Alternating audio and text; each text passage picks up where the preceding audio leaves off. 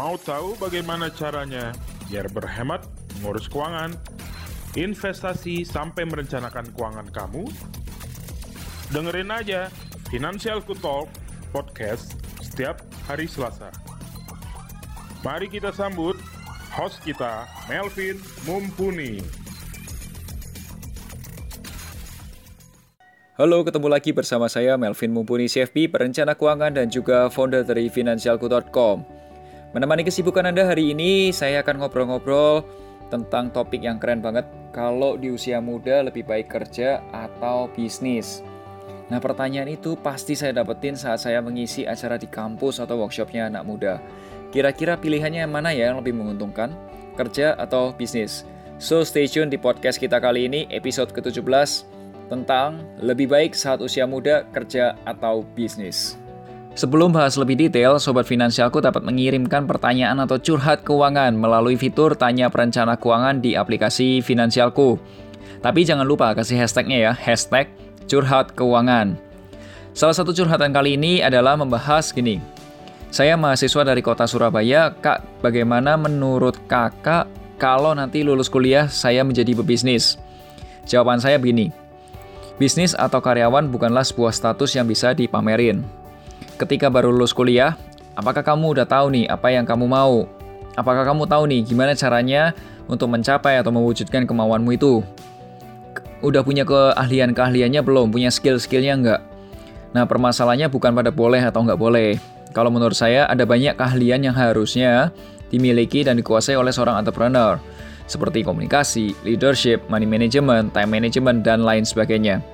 Dalam podcast kali ini, saya akan bahas mengenai mindset yang penting sebelum kamu memilih menjadi pebisnis dan atau karyawan. Oke, stay tune guys. Satu usia muda, kerja atau bisnis. Nah, ini saran saya. Gini, beberapa waktu lalu saya pernah mengisi acara di sebuah universitas. Saya bertanya, di sini ada nggak yang mau jadi entrepreneur? Setelah lulus kuliah, Kurang lebih ada sekitar 40-an atau 50-an orang tunjuk tangan. Pada saat itu saya berpikir begini, ini orang-orang tahu nggak ya apa yang sebenarnya mereka pinginin?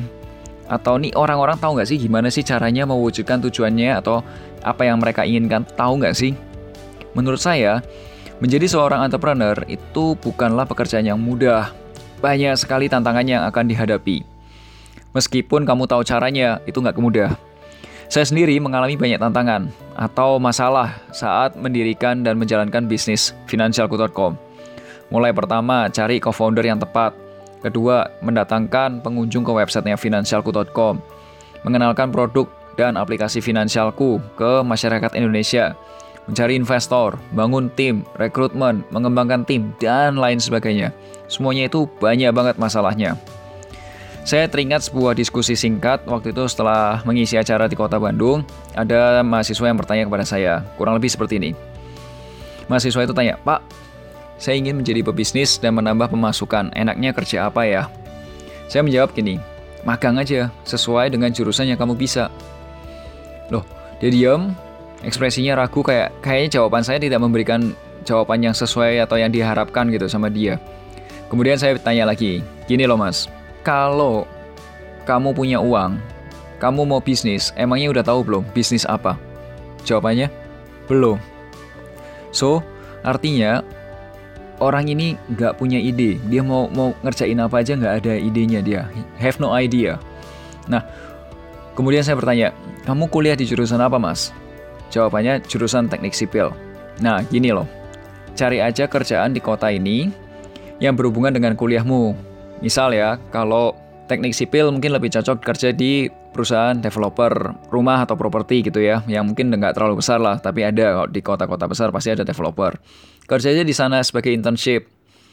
Menurut saya jangan hitung-hitungan dengan gaji, karena kamu perlunya adalah pengalaman dan pembelajaran, betul? Mahasiswa biasanya masih banyak dibantu sama orang tua, dan kewajiban mahasiswa bukan menjadi kaya. Kewajiban mahasiswa atau mahasiswi adalah lulus dengan tepat waktu dan nilai yang bagus. Di kampus, biasanya mahasiswa itu banyak belajar teori dan praktek di lab. Oke, tapi kalau di tempat magang, mahasiswa itu bisa banyak belajar di kondisi lapangan. Banyak hal, banyak masalah terjadi di lapangan dan itu tidak tercover atau tidak temukan pada saat kita belajar pakai teori. Dan di saat itulah tujuan kamu bekerja adalah untuk benar-benar belajar prakteknya. Tiba saatnya mahasiswa, mahasiswi atau kamu udah tahu teorinya di di universitas, tahu prakteknya di lapangan, maka kamu tahu apa yang harus kamu lakukan untuk menjadi developer bangunan atau dalam kasus ini bisa menjadi entrepreneur sesuai dengan keahlian kamu. Terus mahasiswa itu langsung tersenyum dan mikir, benar juga nih kayak gini caranya. Jadi magang aja dulu di jurusan yang memang sesuai dengan apa kuliah sampai dapat ilmunya, one day dia bisa jadi pebisnis sendiri di industri tersebut. Saya pikir itulah cara kerjanya. Nah, bagaimana dengan yang saya lakukan sendiri atau karir saya sendiri? Apakah saya langsung habis lulus kuliah langsung jadi entrepreneur? Kita bahas. Oke, Kali ini saya akan bahas mengenai pengalaman saya pribadi. Karir pertama saya adalah bekerja di bank asing di Kota Bandung. Pada saat kerja di bank, saya banyak sekali mempelajari produk-produk keuangan seperti deposito, seperti mutual funds, reksadana, atau bank S, bank insurance tuh seperti apa ya, unit link, dan juga cara berkomunikasi dengan calon nasabah. Ya, tepatnya gini, Bagaimana caranya kita membangun trust ke calon pelanggan? Gimana caranya kita menerangkan produk? Gimana caranya kita uh, menjual produk keuangan? Membangun relasi ke pelanggan. Itu yang banyak saya pelajarin di pekerjaan pertama saya ketika saya bekerja di bank asing. Saya tahu komunikasi itu tidak semudah itu gitu. Ternyata nggak segampang yang ada di teori-teori buku gitu. Kita perlu belajar dan kita perlu mempraktekkan ilmu-ilmu yang ada. Gak langsung sukses, tapi worth it untuk dicoba. Kemudian setelah itu saya berkesempatan untuk bekerja di sebuah perusahaan manufaktur lokal di kota Bandung. Di tempat kedua ini saya lebih banyak lagi belajarnya. Gak cuma belajar komunikasi dengan tim, tapi juga belajar tentang leadership. Saya belajar banyak sekali, Belajar cara, cara memberikan masukan tanpa menggurui. Nah ini teman-teman.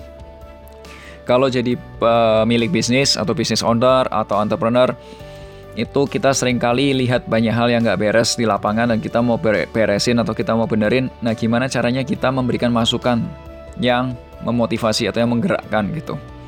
Menegur tanpa orang yang ditegur membuat apa tersinggung gitu. Itu juga penting. Kemudian kita juga perlu belajar gimana caranya mereview kinerja orang. Tapi yang direview nggak jadi marah, tapi malah terjadi motivasi untuk berubah. Terus gimana caranya uh, belajar untuk berpikir sistematis dan selalu berusaha memberikan solusi. Setidaknya, setidaknya solusi yang kita berikan bisa membantu. Kemudian belajar mendengarkan dengan antusias, bukan cuma mendengar untuk membalas. Kebanyakan orang dengar itu untuk ngomong berikutnya lagi, kasih balasan. Nah ini kita belajar gimana caranya kita benar-benar mendengar. Terus belajar untuk mengatakan, ya, saya salah ketika salah. Nah kemudian cari cari solusinya apa, bukan cari alasannya apa yang kurang lebih oke okay, atau cari pembenaran, tapi cari solusinya apa. Dan belajar caranya mengatur diri sendiri dan waktu. Menurut saya tidak ada salahnya seorang mahasiswa atau mahasiswi melamar pekerjaan atau internship. Seperti kata Robert Kiyosaki yang saya idolakan itu dia bilang gini, When you young, work to learn, not to earn. Artinya ketika kita masih usia muda, fokus kita waktu kerja itu bukan untuk bukan untuk cari uang yang banyak, tapi kita cari pengalaman, cari pembelajaran yang banyak. Kenapa? Karena karena di saat muda kita kebutuhan kita memang nggak terlalu banyak awal-awal tuh kita nggak butuhannya. Kalau kamu usia 20 sampai usia 25, kebutuhan kamu itu belum besar sekali. Nah, pada saat itu kamu punya kesempatan untuk benar-benar belajar, benar-benar cari pengalaman, cari network dan lain sebagainya. Nah, ketika seseorang sudah cukup belajarnya atau belajarnya udah banyak, udah punya bekal cukup, itu biasanya uang yang datang sendiri. Nah, kalau buat saya sendiri, sebelum kamu memutuskan menjadi seorang pebisnis, sebaiknya kuasai tiga hal berikut ini. Komunikasi, leadership, dan money management. Kita bahas dulu satu-satu. Komunikasi. Komunikasi adalah hal penting yang harus dikuasai oleh seorang entrepreneur. Saya sendiri mengasah ilmu komunikasi untuk meyakinkan co-founder, komunikasi tertulis atau copywriting untuk mendatangkan pengunjung ke website finansialku, menambah jumlah subscriber YouTube, Instagram, dan sosial media lainnya mengenalkan produk dan aplikasi finansialku, mencari investor, mengembangkan tim, dan lain sebagainya. ulangi lagi. Lebih dari 50% peran seorang entrepreneur dalam bisnisnya adalah komunikasi. Ilmu komunikasi ini termasuk soft skill yang hanya dapat dikuasai dengan berlatih, berlatih, dan terus berlatih. Saya beruntung dapat belajar ilmu komunikasi ini pada saat saya bekerja sebagai karyawan di dua pekerjaan saya sebelumnya. Kemudian skill kedua yaitu leadership. Leadership adalah kemampuan yang harus dimiliki oleh seorang entrepreneur. Menurut saya, leadership juga bukanlah hal yang mudah. Berbicara mengenai leadership, pasti ada banyak sekali teori. Nah, saya sendiri penganut aliran pertama yaitu self-leadership. Artinya kamu bisa memimpin dirimu sendiri.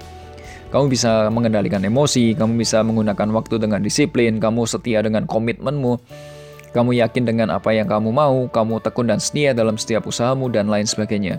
Artinya, you manage yourself. Kalau misal kita nggak bisa manage diri sendiri, itu akan sangat sulit untuk memanage yang lain, termasuk memanage tim. Setelah kita sukses atau berhasil untuk memanage diri sendiri, kita akan masuk ke fase berikutnya yaitu memimpin orang lain atau lead others. Mulai dari rekrutmen, pengembangan tim, diskusi dengan tim, dan lain sebagainya. Ilmu lain yang terakhir yang saya anggap itu penting untuk seorang seorang entrepreneur adalah yaitu money management. Seorang pebisnis harus tahu mengenai uang. Nggak bakal jadi pebisnis sukses kalau nggak ngerti uang. Tidak hanya ngurus uang pribadinya, tapi juga uang bisnisnya. Apa pun pekerjaan kamu, termasuk kalau kamu sekarang ini mahasiswa atau mahasiswi, kamu perlu mulai belajar mengurus keuangan kamu mulai dari sekarang. Mulai dari yang paling kecil. Kamu dapat gunain deh aplikasi Finansialku untuk membantu mengatur dan merencanakan keuangan. Di situ ada fitur anggaran, catatan keuangan, perencanaan keuangan, investasi, dan termasuk juga tanya perencana keuangan.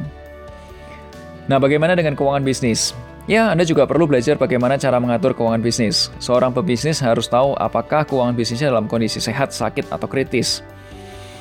Seseorang seorang pebisnis harus tahu bagaimana cara membaca dan menganalisis laporan keuangan. Laporan keuangan yang saya maksud adalah income statement, balance sheets, cash flow, dan equity statement. Jika saat ini kamu adalah seorang pebisnis dan tidak tahu bagaimana cara membaca laporan keuangan, maka kamu perlu belajar baca laporan keuangan. Seperti kata pepatah, kalau kamu nggak bisa ngukur, kamu nggak tahu performa bisnismu seperti apa. Kalau kamu nggak ngerti performa bisnismu, kamu nggak melak bisa melakukan perbaikan. Kalau kamu tidak melakukan perbaikan di bisnismu, gimana bisnismu bisa maju? Oke, jadi pesan yang saya ingin sampaikan dalam podcast kali ini adalah gini. Saat usia muda, mau kerja atau bisnis itu adalah pilihan yang sangat sederhana. Jangan pilih berdasarkan gengsi atau biar kelihatan keren lah di mata orang lain. Hal pertama yang kamu harus lakukan adalah meningkatkan pengalaman dan pengetahuan. Dalam bahasanya Robert Kiyosaki, dia bilang gini, When you young, work to learn, not to earn. What should be learned? Nah, setiap entrepreneur yang ingin sukses pasti jago dalam self-management, komunikasi, leadership, dan money management.